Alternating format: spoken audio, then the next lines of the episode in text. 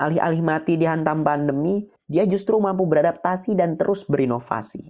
Itu Ali, Juragan Risol Mayo FIB UGM, dan ini obrolan kami.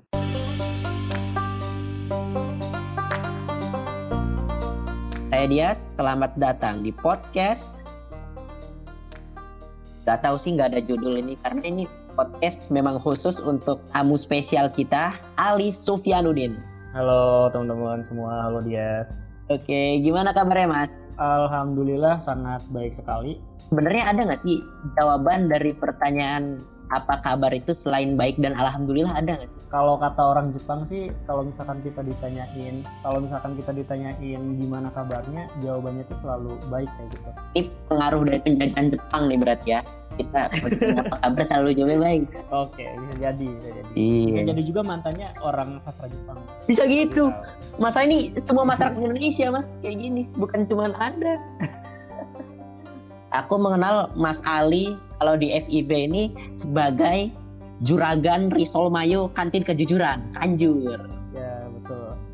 Aku mau nanya mas, itu pertama kali kamu berjodoh dengan Risol Mayo itu gimana? Apa niat pribadi atau urusan danus? Eh, mungkin latar belakang yang sangat jauh sekali ya. Eh, aku terlahir dari keluarga yang kurang berada pas kuliah. Kita benar-benar menjalani kehidupan kita sendiri ya dengan dana yang kita punya. Nah, kalau hitung-hitungannya itu tuh gak nyampe kayak gitu. Aku dapat bidik misi juga di awal-awal kuliah dan 650 dulu itu sangat kurang gitu. Untuk bayar kos aja sisanya sangat dikit.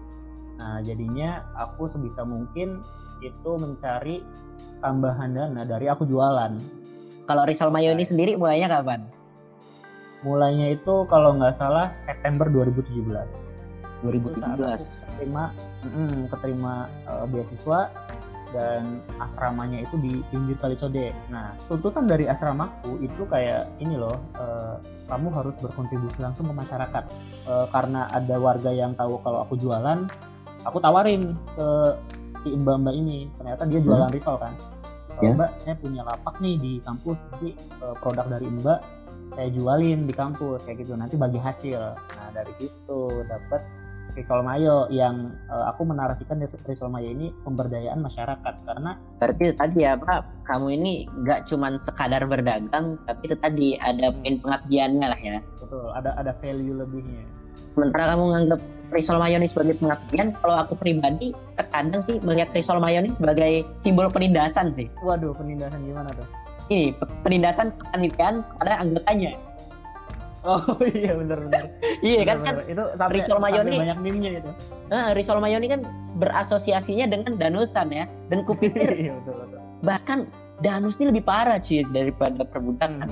Misal budak abad 19 ya kalau misalnya perusahaan kapasnya rugi dalam berdagang nggak pernah itu kan apa tolong para para, bu- para budak silakan menyisihkan uang tabungannya untuk menalangi kerugian perusahaan. Eh, itu banyak juga sih eh, apa dapat cerita-cerita kayak gitu ya. Nah itu karena nggak jualan risol mayoku tuh pastinya. Karena selama eh, jualan hampir dua tahun ini aku jarang banget risolnya nggak habis kayak gitu. Tapi kan enaknya kanjur ini kan lebih lebih ringan nggak sih? Betul, lebih effortless. Eh, effortnya itu satu, lu harus bangun pagi aja sih sebenarnya. Aku jam 6, Yang pokoknya eh, anak-anak kan masuk jam 7 tuh. Jam 6.40 deh, itu udah di kampus, udah persiapan masuk dan mereka most of them belum sarapan.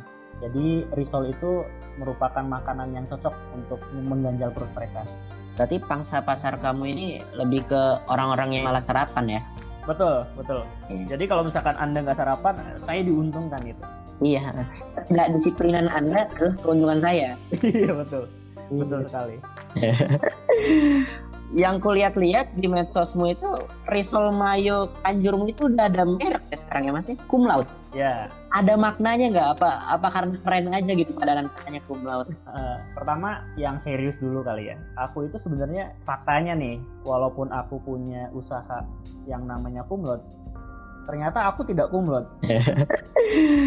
nah, kemudian eh, alasan yang bisa dan dibuat-buat itu kayak sebenarnya aku kepikiran aja sih apa sih yang paling dekat sama mahasiswa misalnya nih sebut aja susu sarjana nah istilah yang lainnya itu kumlot kayak gitu bangsa pasar kan awalnya mahasiswa Jadi dengan membuat istilah yang dekat dengan mahasiswa, aku harap produkku ini lebih dikenal uh, oleh mahasiswa kayak gitu.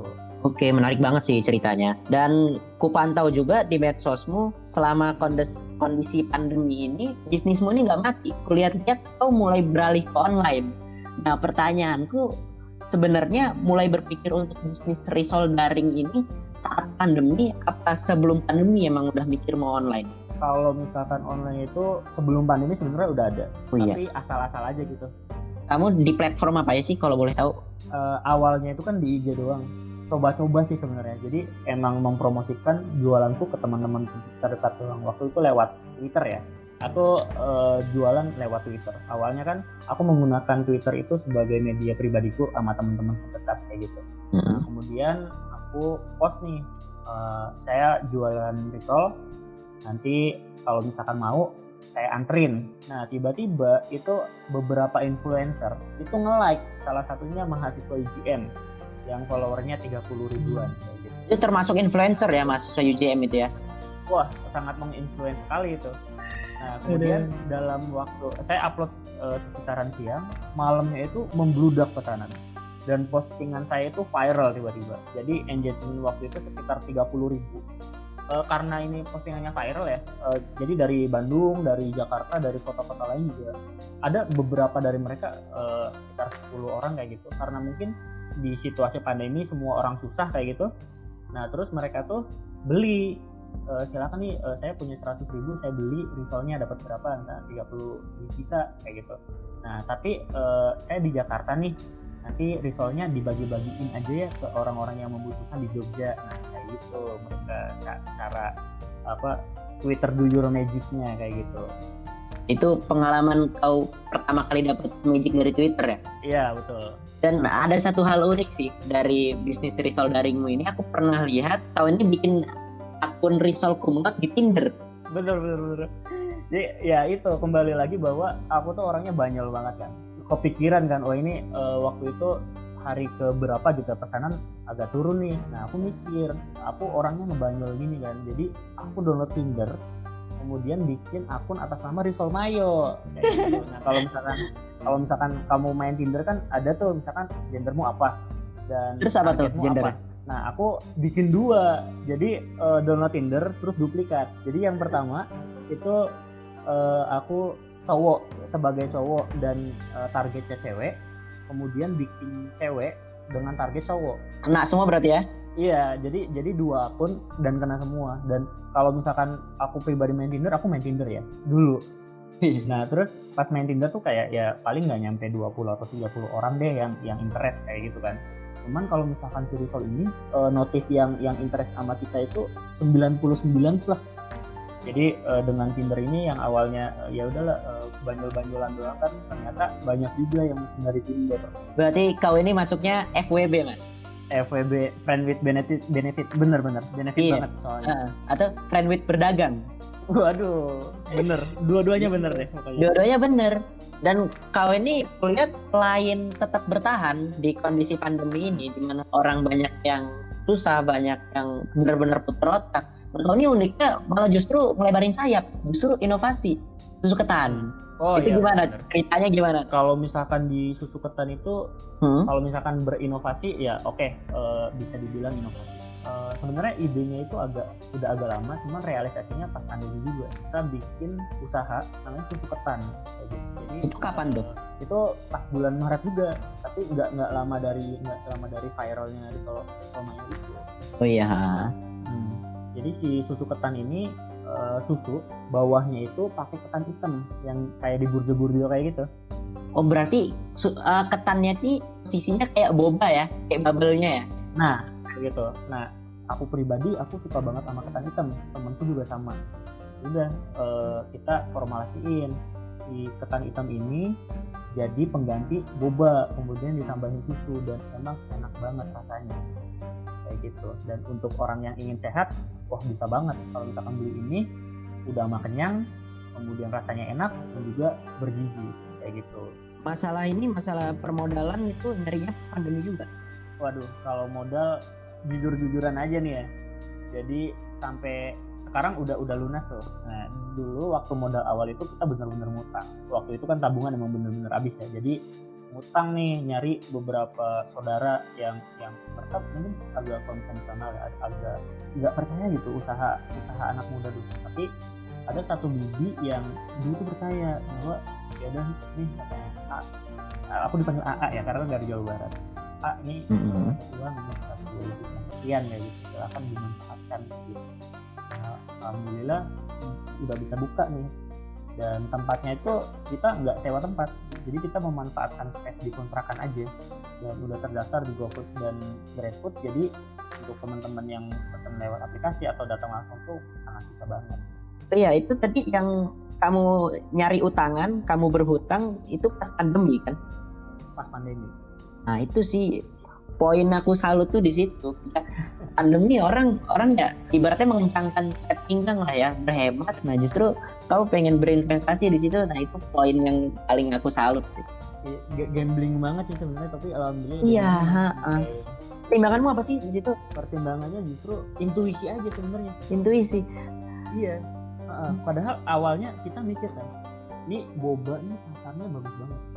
Dan Iya. da- dalam beberapa tahun ke depan kayaknya eh, bakalan jadi primadona kayak itu nggak kayak Kepal Milo atau Cincau dan sebagainya itu sangat-sangat musiman ya. Aku punya intuisi sendiri bahwa someday aku bakalan menghancurkan bisnis boba dengan Widih. nikmat dan bergizi dan juga mengenyangkan. Nah makanya aku awalnya suka terus punya intuisi kayak gitu, aku jalanin dan alhamdulillah ada ada titik terang nih kayak gitu. Ini btw merek produk dari susu ketan ini cum laude juga kan kalau nggak salah. iya betul betul betul. Pusing mikirin nama lain sebenarnya. dan dan orang sebenarnya eh, dari risolnya risolnya eh, btw udah agak dikenal di IGN ya. Iya. Dan Bahkan ada loh beberapa orang yang nggak kenal nama asliku. Mereka Tapi kenal risol. menyebut iya bener mas mas risol disebut Mas Mas Risol. aduh Ali adalah Gitu, Risol, nah. Risol adalah Ali. betul nah Iya. Mereka kenal aku kan risol kumlot risol kumlot kayak gitu nah ya udah daripada uh, mikirin nama baru kan Tahu ada ada niatan nggak sih pengen jadiin laude nih jadi macam Unilever gitu yang punya banyak diversifikasi produk kan. Tapi ntar isinya street food semua, isinya street food semua. Jadi waduh bisa jadi bisa jadi pentol, cappuccino cincau, terus lidi-lidi ya. Iya, cincau cum laude, lidi-lidian cum laude, pentol laude. ya doain aja deh Aduh. Lumayan itu untuk ini kan apa masuk bio Tinder CEO of laude culinary company. eh nanti nanti ini cuy aku aku bikin Tinder berarti duplikatnya kan dua nah nanti kalau misalkan banyak banyak produk yang aku jual bisa bisa aku duplikatnya 10 baru Tinder ribet sih tapi satu hal yang kupikir sangat inovatif dari susu ketanmu ini adalah dia ini mencoba untuk merombak eh, relasi atau hubungan antara penjual dan pembeli. Biasanya kan pembeli ini selalu raja kan. Heeh.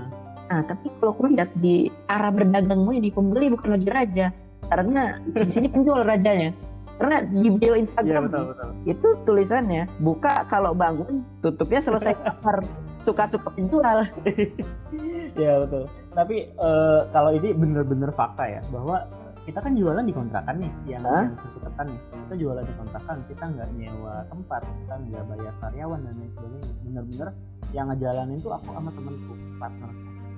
Dan karena kita buka di kontrakan terus eh, bukanya ya ya semau kita. Jadi kalau misalkan malam kita biasanya mabar tuh. Mabar sampai jam 3 sampai jam eh, 4 kayak gitu. Ya udah selagi eh, kita bangun kayak gitu kan sebelum sebelum kita tidur apa salahnya sih sambil buka susu ketan kayak gitu kan? Hmm. dan dan masih ada ada aja tuh yang pesen kayak jam jam 2 jam 3 masih ada yang nah, terus kalau misalkan tidur telat kan biasanya bangunnya juga telat. Iya. jadi eh, kita nggak pasang waktu tepat nih.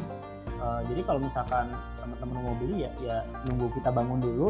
Tapi kalau misalkan malam bisa deh kita lay- layanin sampai sampai subuh pun bisa kayak gitu Pokoknya harus harus manut penjual ya. ah, ah, betul dan kalau misalkan kamu bilang pembeli adalah raja itu bullshit raja nggak mungkin beli susu ketan kayak gitu Dan raja juga nggak mungkin Iya. jualan susu ketan, berarti nggak ada rajanya di sini. betul Aduh, aduh, aduh. Tapi di luar semua itu, Hmm. kamu sendiri gimana, Mas? Memandang pandemi ini, apakah sebagai istilahnya penindasan terhadapmu, mengekangmu, atau justru itu tadi memicu ide-ide kreatif karena kan banyak bengong kan ya pandemi kan di rumah. Contohnya kita lagi di kamar mandi, uh, di kita di kamar mandi kan banyak bengong terus banyak ide kan. Nah kalau kamu sendiri gimana? Um, kalau misalkan harus ngomongin penindasan dan pengekangan terhadap sesuatu kayak gitu, pandemi ini sangat-sangat menindas gitu. Bahkan bukan dialami oleh diriku sendiri, orang lain tuh banyak yang mengalami kan. Yang salah satunya itu faktor keuangan kayak gitu. Bahkan saat aku jualan kayak gitu, itu tuh belum belum menyaingi saat aku jualan di kampus. Karena jualan risol di kampus dan jualan yang lainnya tuh sangat bagus banget kan pasarnya. Mahasiswa hmm.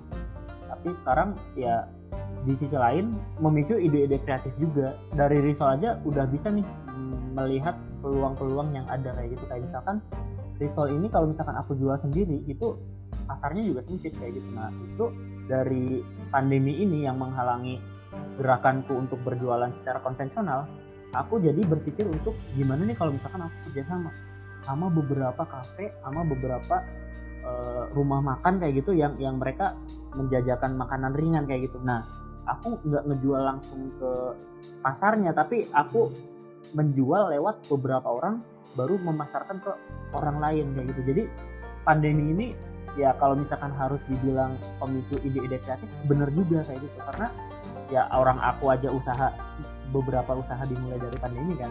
Mm -hmm. gitu sih. Dan ini sih mas satu hal yang ku sorot juga selama pandemi ini orang-orang selalu menyuarakan soal ayo mandiri soal kemandirian. Nah kalau dari pandanganmu dalam memandang soal kemandirian ini apakah bertentangan dengan cara hidup gotong royong kita? Kalau menurutmu sendiri gimana? Dari sudut pandang bisnis deh. Ngeri kan titelmu um, bisnis di sini bukan mahasiswa. Makasih loh aku pertama mengapresiasi beberapa orang yang mereka mandiri. Mereka bisa uh, kalau misalkan biasanya cuma ngabisin uang atau yang lain sebagainya ya mereka memutar otak dong. Ide kreatif mereka muncul sehingga mereka membuat sebuah produk yang bisa dijual ke orang lain dan juga menghasilkan keuntungan untuk mereka. Itu mandiri. Dan kalau misalkan gotong royong dalam bermasyarakat ini aku juga mendapatkan poin plus ya saat ini kan pandemi semua orang hmm. susah semua orang berjual semua orang menjajakan jajanannya kayak gitu. Dan uh, aku ya sebagai seorang penjual aku tuh sangat seneng saat jualanku dibeli sama orang lain kayak gitu. Aku mengapresiasi semua seluruh masyarakat se Indonesia bahkan sedunia deh yang memiliki jiwa gotong royong dalam hal sekecil membeli produk yang ditawarkan oleh temen kayak gitu. Solidaritas sama penjual ya? Betul solidaritas. Kalau misalkan ngomongin untung-untungan ya sebenarnya nggak untung loh cuman karena senang aja gitu bisa bantu orang lain. Jadi makanya ya pandemi membawa kebahagiaannya tuh salah satunya di situ gitu